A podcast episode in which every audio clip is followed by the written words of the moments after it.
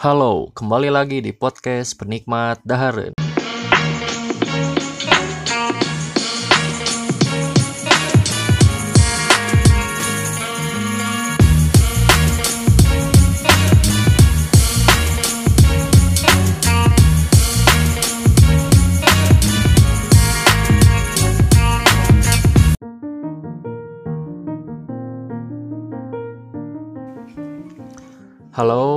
Selamat datang kembali di podcast Penikmat Daharen.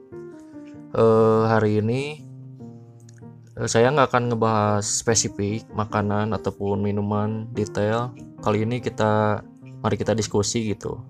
Diskusi tentang apa? Tentang makanan dan minuman yang viral. Dalam artian viralnya ini nggak hanya yang terjadi tahun di 2018 ini gitu, tapi yang terjadi di tahun-tahun ke belakang gitu. Kita akan bahas mengapa makanan ini tuh disebut viral, kenapa, apa penyebabnya sampai mereka bisa seterkenal itu. Oke, eh, yang pertama kita bahas cerita dulu di balik makanan viral ini. Jadi eh, makanan-makanan viral ini tuh kebetulan memang makanan yang eh, eh, memang generasinya tuh ketika ada sosmed gitu ya ketika sosmed mulai ada di kalang eh, apa di, di teknologi gitu. Eh, makanan ini tuh promosinya memang kebanyakan bukan di dunia nyata gitu ya tapi banyaknya eh, dari masyarakat ini tuh de- di internet gitu boomingnya. Nah ada satu yang unik gitu ketika makanan-makanan ini viral tuh yaitu eh, pebisnis-pebisnis eh, banyak yang bermunculan gitu dadakan dari mulai kedai kecil, kedai-kedai yang besar, bahkan kafe yang udah terkenal pun sampai eh, dia ngeluarin produksi makanan ini gitu atau minuman yang viral ini gitu. Lalu yang membuat saya agak gimmick tuh eh, kenapa gitu di setiap yang untuk 2018 ini ya eh, ada jadi satu makanan dan minuman dia kedainya tuh ditulis nah, viral nah, viral gitu.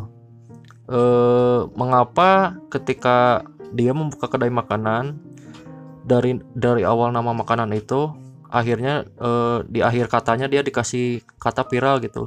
Saya agak bingung gitu kenapa sampai harus dimasukin viralnya gitu kan? Orang-orang juga mengiranya ya ngapain gitu ya kan? Ya ini memang makanan terkenal gitu tapi nggak nggak sampai segitunya juga gitu.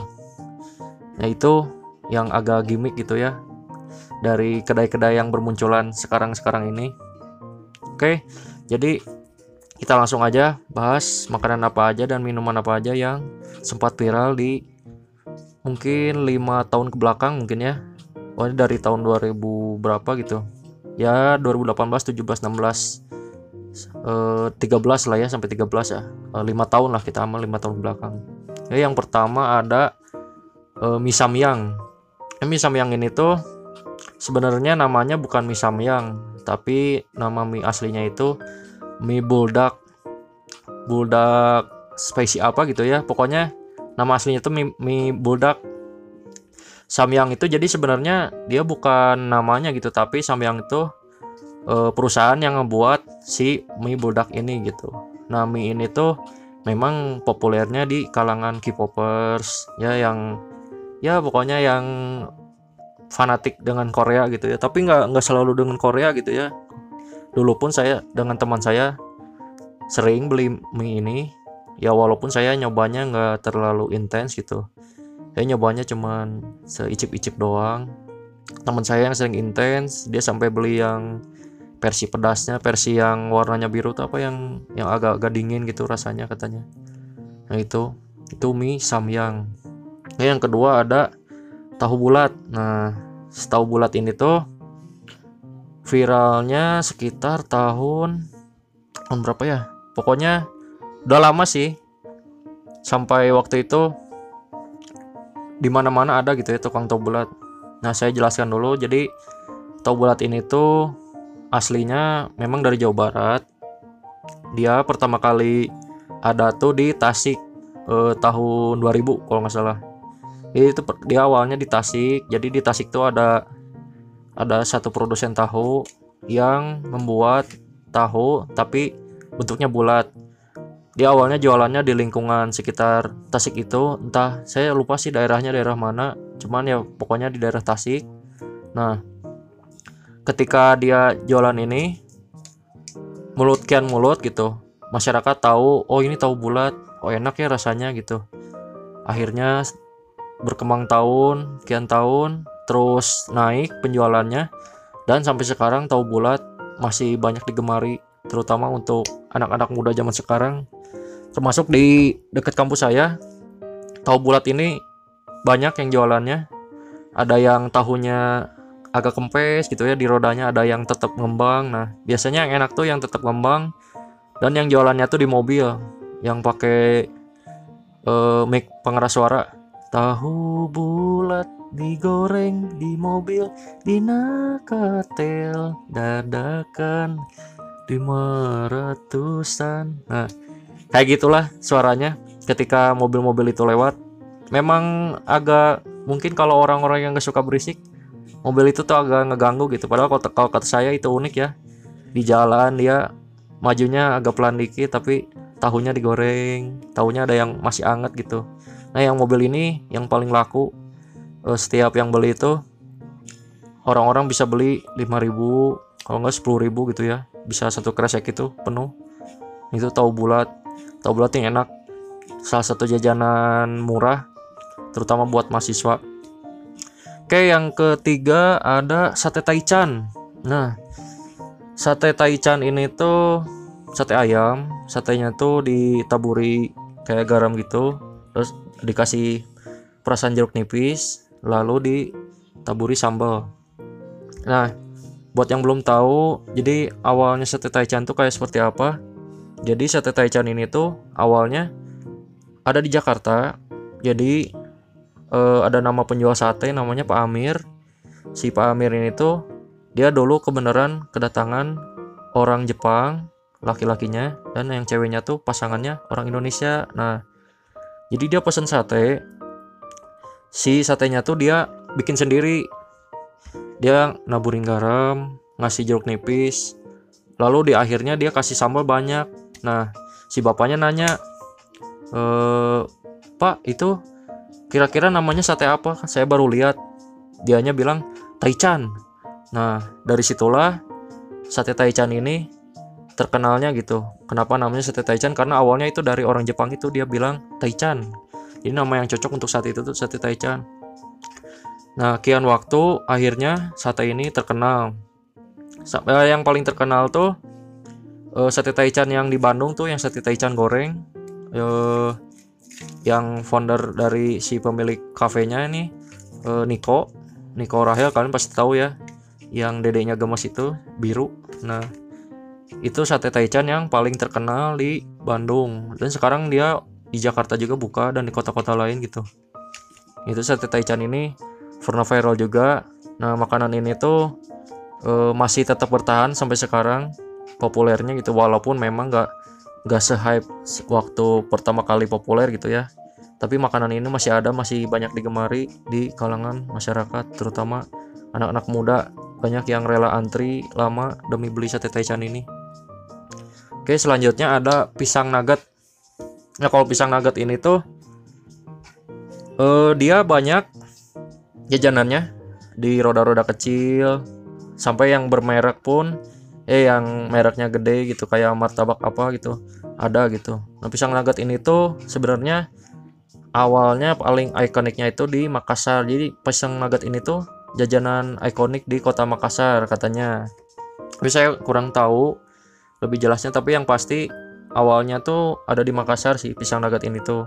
Nah di Bandung sendiri pisang nugget tuh banyak yang jualannya. Ada yang di roda ada yang di kedai yang banyak saya temuin sih yang di roda gitu ya. Yang di roda tuh rasanya macam-macam. Ada yang pakai keju ada yang coklat ada yang original gitu ada yang pakai green tea pakai uh, strawberry dan macam-macam gitu. Nah saya sih belum pernah nyoba pisang nugget yang benar-benar enak gitu. Yang waktu saya coba deket kampus tuh si pisang nuggetnya itu cuman pisang dipotong-potong dimasukin ke tepung roti dibalus lagi lah sama tepung basahnya lalu digoreng. Itu yang saya pernah coba tuh pisang nuggetnya seperti itu. Tapi yang saya temuin di pisang nugget yang lain tuh dia pisang nuggetnya tuh emang bener si pisangnya di blender dulu sampai hancur. Ya kurang lebih bikinnya kayak nugget ayam tapi ini bahannya pisang gitu. Pakai terigu dibentuklah adonannya seperti nugget-nugget ayam itu cuman agak panjang gitu ya dibentuk seperti itu lalu masukkan ke tepung roti terigu digoreng. Setelah digoreng baru dikasih topping. Itu toppingnya yaitu coklat strawberry dan lain-lain. Itu pisang nugget. Pisang nugget ini sampai sekarang masih bertahan masih banyak yang jualan. Kalau nggak salah anak pak presiden juga punya bisnis pisang nugget ini. Pisang nuggetnya terkenal dan enak cuman saya belum coba mungkin lain waktu saya bakal review di podcast ini nanti semoga saya bisa nyoba pisang nugget itu oke selanjutnya ada Tahiti nah Tahiti ini sebenarnya udah pernah saya bahas ya di episode uh, ketiga di podcast saya. Ya Tahiti ini tuh awalnya dia ini entehnya tuh jadi sebenarnya dia awalnya tuh si entehnya ini berasal dari Tiongkok. Dia dari orang Tiongkok datang ke Thailand, dia bawa teh. Nah, si tehnya tuh enak. Nah, orang-orang Thailand tuh uh, dia memang banyak nongkrong gitu ya di kafe-kafe. Nah, dia ketika menemukan teh ini tuh oh ini kayaknya teh bagus nih untuk dicoba ke modifikasi yang lain gitu akhirnya dicobalah sinta ini dikasih susu jadi dulu tuh sebelum Thai itu jadi teh susu dulu kayak kalau kita ke warkop gitu. Teh dikasih susu diaduk-aduk. Nah kurang lebih seperti itu. Anget diminum kata orang Thailand. Wah ini enak nih kayaknya uh, kita kembangin bisnisnya bagus nih. Akhirnya di Thailand tuh salah satu brand ap, apa ya namanya lupa. Pokoknya sudah saya pernah bahas itu di podcast sebelumnya. Jadi brand itu ngembangin sin tehnya sampai sekarang pun tehnya tetap dijual satu bungkus tehnya tuh harganya 40.000 atau 35.000 gitu ya. Itu tehnya nah sisanya kita kreasikan sendiri gitu. Nah yang paling terkenal tuh ya ini yang Tahiti. Tahiti ini tuh jadi teh ini teh hangat dimas dimasukin ke gelas yang ada esnya lalu dikasih susu diaduk-aduk. Ada yang bikinnya kayak gitu ada yang jadi entehnya entehnya dulu dimasukin ke gelas lalu dikasih susu diaduk-aduk dikasih gula baru dimasukkan ke es batu yang udah disediakan di gelas. Gelasnya tuh gede gitu. Kalau teh itu tuh ciri khasnya. Panjang e, lebar enggak sih? Cuman agak panjang gitu tehnya. Nah kalau untuk yang di Indonesia dijual sama kayak tadi panjang esnya banyak tapi di dalam bentuk cup gitu. Harganya tuh sekitar dari mulai 5000 sampai yang 15000 kalau yang 15000 itu dia pakai e, cairan keju. Di atasnya jadi e, bawahnya teh setengahnya ada kejunya gitu nah kalau untuk yang originalnya itu 5000 jadi cuma teh sama susu doang gitu. Itu udah enak kalau kata saya dan murah juga. Nah yang sisanya itu cuma variasi gitu. Kayak pakai susu ada yang green tea-nya terus ada yang pakai topping lagi gitu. Itu Thai tea yang sekarang berkembang di Indonesia. Dan gimana tetap bertahan? Bertahan. Nah Thai tea ini tuh memang sekarang lagi ngetren ngetrennya lagi gitu. Sebenarnya Thai tea itu udah lama sih sebenarnya saya tahu dari waktu kapan ya lupa. Pokoknya tea ini tuh udah lama trendingnya gitu viralnya udah lama. Cuman memang sekarang lagi meningkat lagi gitu sampai banyak kedai-kedai tea yang emang bener-bener banget profesional. So saya lihat sampai bermerek cupnya bagus. Pokoknya kalau kalian main ke Bandung atau ke kota lain pasti kalian nemu di setiap sudut itu kedai tea entah itu kedainya yang kecil ataupun yang di cafe gitu. Oke selanjutnya ada cappuccino cincau nah kalau minuman ini tuh awalnya jadi dia tuh awalnya di kota Riau. Jadi dulu dia tuh si bapak ini tuh dia tahu uh, apa dia jualan minuman. Cuman dia bingung gitu. Uh, dia ingin inovasi minuman cuman bingung uh, inovasinya apa gitu akhirnya dia kebenaran dia ada menu cappuccino terus dia punya topping cincau juga. Nah dia nyoba si cappuccino sama cincau ini disatuin. Sebenarnya cappuccino cincau ini tuh udah ada gitu ya di di mana gitu saya lupa. Kalau di luar negeri itu ya cappuccinonya dicampur krim kan ya dicampur apa gitu. Nah si bapak ini dia nyoba cappuccino pakai cincau dijual lah ke masyarakatnya yang di daerah sekitar situ akhirnya apa? Akhirnya masyarakatnya banyak yang suka. Nah itu sekitar tahun 2011 gitu. Viralnya tuh tahun berapa ya? Kalau nggak salah saya SMA gitu. Saya SMK lah. Sekitar tahun segitu. 2013an lah 2014 kalau nggak salah ya. Apalagi saya. Pokoknya dari situlah cappuccino cincau mulai viral. Nah untuk sekarang-sekarang sih si cappuccino cincau ini tuh nggak terlalu hype minumannya masih ada beberapa yang jual tapi ada juga yang udah nggak jual lagi karena ya itu tadi e, minuman ini tuh sekarang nggak terlalu terlalu hype banget di kalangan masyarakat jadi masih kayaknya entah kurang promosi atau kurang gimana gitu ya entah masyarakatnya bosen jadi minuman ini nggak nggak terlalu bertahan lama terkenalnya gitu. Tidak seperti Thai tea dan yang makanan yang uh, minuman makanan yang lain yaitu cappuccino cincau. Lalu selanjutnya ada mango king mango tea. Nah king mango tea ini tuh jadi king mango tuh itu dia brandnya namanya king mango. Jadi king mango itu dia bikin minuman minumannya tuh mang, uh, ada buah mangganya terus dikasih krim lalu dikasih susu gitulah sedikit. Brand ini tuh terkenalnya tahun ini kalau nggak salah 2000 awal-awal tahun 2018 lah tahun 2017 gitu. Pokoknya belum lama gitu ya trendingnya nah King Mangote ini tuh minumannya agak mahal sih ada yang 10 ada yang 15 ribu ada yang 20 bahkan ada yang sampai 25 gitu. Nah kalau saya sendiri sih belum pernah nyoba King Mangote ini tuh. Sampai sekarang pun saya belum pernah nyoba minuman ini karena emang saya agak susah nyari kedainya. Kebanyakannya sih di outlet-outlet di kafe-kafe yang di mall gitu ya minuman ini tuh. Jadi saya belum bisa nyoba banget. Tapi yang saya dengar dari temen tuh sih ya enak gitu. Ada krimnya ada mangganya. Pokoknya minuman ini tuh emang seger banget penuh buah-buahan gitu. Nah mango king tea ini king mango tea ini tuh kalau saya lihat sekarang sih nggak terlalu hype ya. Sama seperti cappuccino cincau nasibnya. Dia minumannya ini tuh ya udah gitu. Kemarin tren uh, sekarang orang-orang tuh lupa aja gitu dengan si minuman ini. Padahal minuman ini tuh enak banget sebenarnya. Cuman ya entah kenapa uh, si apa mango tea ini nggak sehype Thai tea yang sampai sekarang masih bertahan. Oke selanjutnya yang terakhir nih ada donat Indomie. Nah donat Indomie itu kalian pasti tahu lah ya jadi emang ini viralnya pertengahan bulan 2018 gitu kalau nggak salah atau bulan apa gitu ya saya lupa. Pokoknya tahun inilah. Kalau nggak salah tuh sebelum bulan puasa donat Indomie itu pas bulan puasa lah kalau nggak salah ya uh, mulai viralnya tuh. Jadi donat Indomie itu awalnya dia tuh sebenarnya bukan dari Indonesia ya yang ngebuatnya. Jadi ada di Australia. Jadi di Australia itu ada satu produsen mie. Mie-nya tuh kebenaran dia ngejual mie Indomie juga.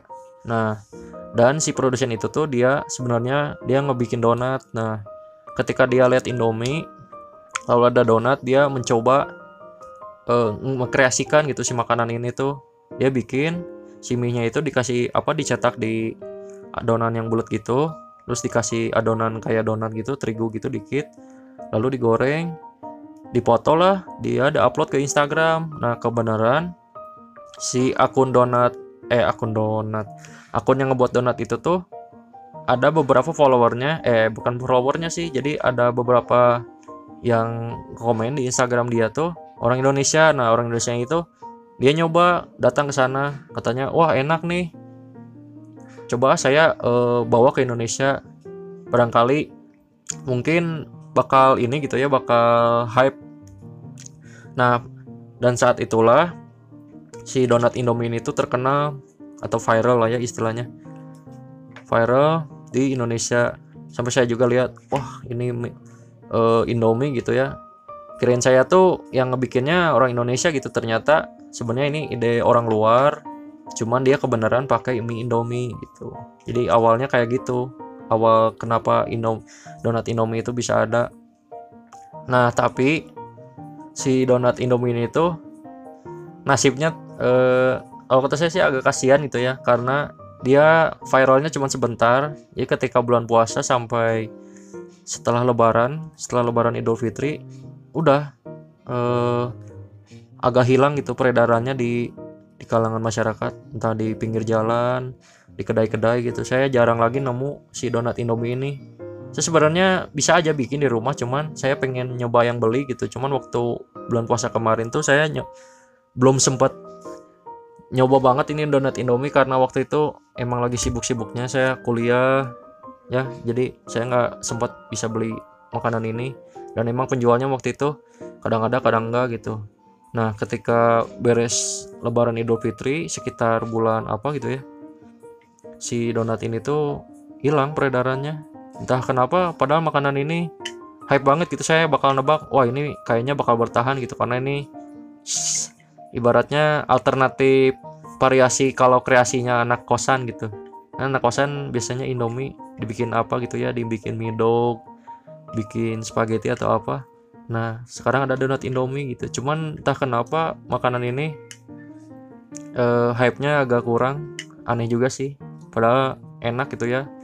Dia pakai indomie juga secara indomie orang-orang Indonesia kita banyak banget yang makan mie ini tuh. Karena ya udah tau lah rasanya. Nggak perlu saya jelasin. Ya itu donat indomie. Ah yang terakhir lupa saya tadi salah maaf. Yang terakhir tuh ada es kepal Milo. Nah kalau es kepal Milo ini tuh aslinya bukan dari Indonesia tapi lebih tepatnya dari Malaysia jadi kalau awal pertamanya tercipta sih saya kurang tahu. Kalau nggak salah sih es kepal Milo ini tuh emang iseng gitu ya si orang Malaysia ini tuh. Dia es diserut. Lalu si Milonya itu di, di diolah dulu dikasih susu kental manis. Milonya tuh banyak di disatuin. Aduk-aduk airnya kental dikasih cair dikit dimasukin ke esnya. Jadi kalau makanan yang karbo eh karbo yang ya karbohidratnya tinggi kalorinya tinggi nih ya ini es kepal Milo karena ya kalian hitung sendirilah dari susu lu dari Milonya gitu. Eh cuman es kepal Milo ini tuh nasibnya sama seperti donat Indomie. Dia peredarannya waktu awal-awal iya banyak gitu. Tiap sudut saya lihat kedai-kedainya banyak.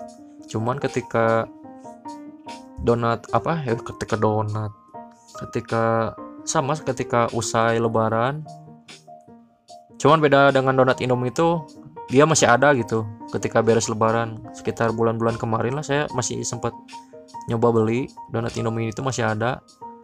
Tapi ketika bulan berikutnya si es kepal Milo ini tuh hilang di pasaran. Udah jarang lagi tuh yang jualan. Awalnya banyak gitu yang jualan tiap sudut ada apalagi waktu bulan puasa tuh wah kalau mau buka puasa pasti ada tukang jual es kepal Milo ini. Tiap sudut ada. Nah sekarang malah pada ngilang gitu. Ya dia senasib kayak cappuccino cincau donat indomie awal doang hype gitu tapi bos bulan-bulan berikutnya malah hilang.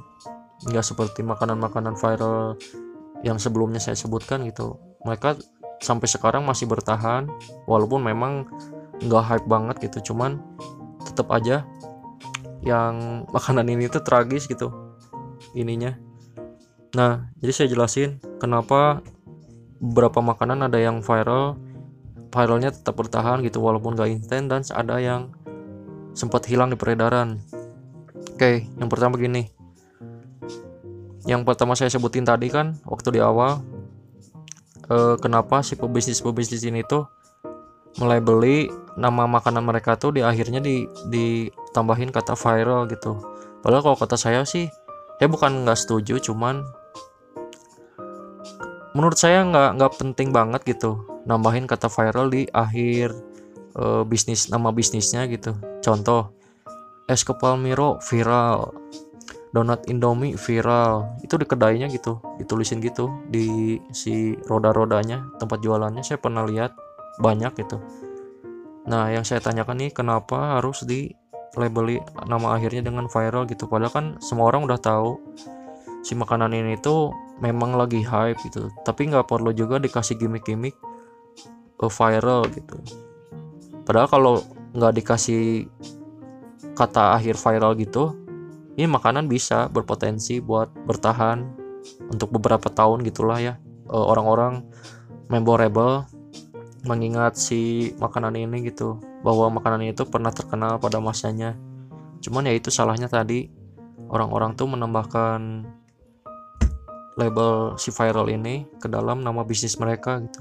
Itu kalau menurut saya sih salah satu kesalahan gitu buat para pengusaha yang waktu itu pertama kali dia buka bisnis makanan ini. Nah yang kedua kenapa makanan yang lainnya bisa tetap bertahan dan apa dan tetap ada sampai sekarang? Kalau yang saya lihat sih kayak misalnya mie samyang ya. Kalau mie samyang kan itu memang mie instan. Dia mie buldak ya maaf bukan mie samyang. Itu kan mie instan jadi mie instan itu sampai kapan pun pasti ada. Cuman yang beda itu mungkin dari variasi rasanya berubah nambah lagi gitu kan. Kayak indomie kan dulu indomie goreng doang. Sekarang kan ada indomie salted egg indomie rendang. Pokoknya rasa-rasa Indonesia ada semua gitu. Lalu tahu bulat. Nah, tahu bulat mah ya gimana ya? Kan itu tahu. Emang originalnya tuh tahu biasa tahu kotak tahu goreng nah tahu bulat tuh cuman variasi bentuk dari yang originalnya gitu. Ya bentuknya bulat bukan kotak. Terus sate taichan kalau sate taichan sih kalau kata saya dia memang makanannya simple sate. Dan sate ini kan memang makanan bisa dibilang ikonik lah buat orang Indonesia gitu ya sate itu banyak macamnya ada sate padang sate madura. Nah sekarang ada sate taichan.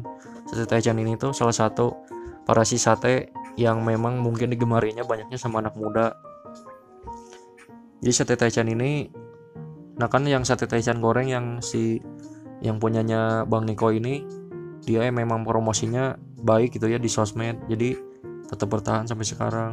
Dan sate taichan di di Bandung banyak ininya kedai-kedainya yang masih bertahan sampai sekarang karena memang makanannya simple. Terus yang kedua eh, apa yang selanjutnya yang bertahan tuh pisang nugget pisang nugget bertahan karena yaitu bikinnya mudah sama ya seperti makanan sebelumnya. Pisang nugget. Pisang nugget mah ya variasi dari nugget gitu nugget ayam. Cuman ini kan makanannya manis. Dia bahannya utamanya pisang. Ya kurang lebih sama kayak nugget cuman ini pisang. Lalu toppingnya ya yang manis-manis. Itu yang membuat pisang nugget masih banyak tetap orang-orang sukai gitu. Karena emang ini makanan dessert yang murah dengan modal ya modal 10.000 lah modal 7.000 kalian bisa dapat makanan ini gitu di mana aja. Terus tea kalau tea kan memang ini kan dari Thailand dia minumannya memang enak dan gampang buatnya. Dan kebetulan Tahiti ini tuh sebenarnya baru ngetrend-ngetrendnya sekarang-sekarang gitu ya. Saya belum tahu dia bakal bertahan sampai tahun depan atau tahun-tahun berikutnya. Kita lihat aja nanti. Terus yang terakhir hmm, udah sih. Itu aja makanan-makanan yang viral. Ya diskusi ini ya kalau menurut saya kurang lebih kayak gitu. Kenapa makanan ini bisa viral dan enggak? Mungkin kita nggak akan tahu lagi nanti makanan yang bakal viral apa. Karena mengingat di Indonesia ini tuh variasi makanannya sangat banyak. Bervariasi dari makanan tradisional sampai makanan yang mewah-mewah gitu. Cuman kebanyakan yang yang viral ini tuh banyaknya makanan yang menengah lah menengah dan emang low gitu. Dari kalangan bawah nggak dari kalangan atas itu jarang-jarang sih makanan yang harganya ratusan ribu sampai jutaan bisa viral nggak. Banyakannya yang memang makanan makanan street gitu ya itu banyakan yang viralnya makanan yang kayak gitu. Sisanya mah ya biasa aja lah. Ya itu diskusi saya tentang makanan dan minuman viral. Ini minggu ini jadi saya nggak bahas dulu makanan. Ya mungkin kalau saya sempat nanti saya bakal bahas di minggu ini.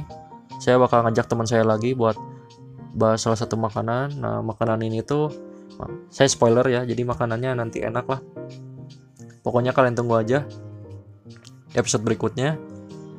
Kalau kalian ada saran ataupun kritik silakan kirim ke email di penikmatdaharun@gmail.com atau ke Instagram saya atau ke Instagram ini penikmat daharun username-nya atau ke Instagram saya boleh Yosef Muhammad F. Kalian bisa kirim DM ke saya. Mungkin makanan apa yang next bakal dibahas dan topik apa yang bakal dibahas untuk diskusi nanti oke sekian dari saya. Semoga bermanfaat semoga kalian lebih tahu tentang kuliner-kuliner yang ada yang sedang beredar sekarang ini. Bantu share.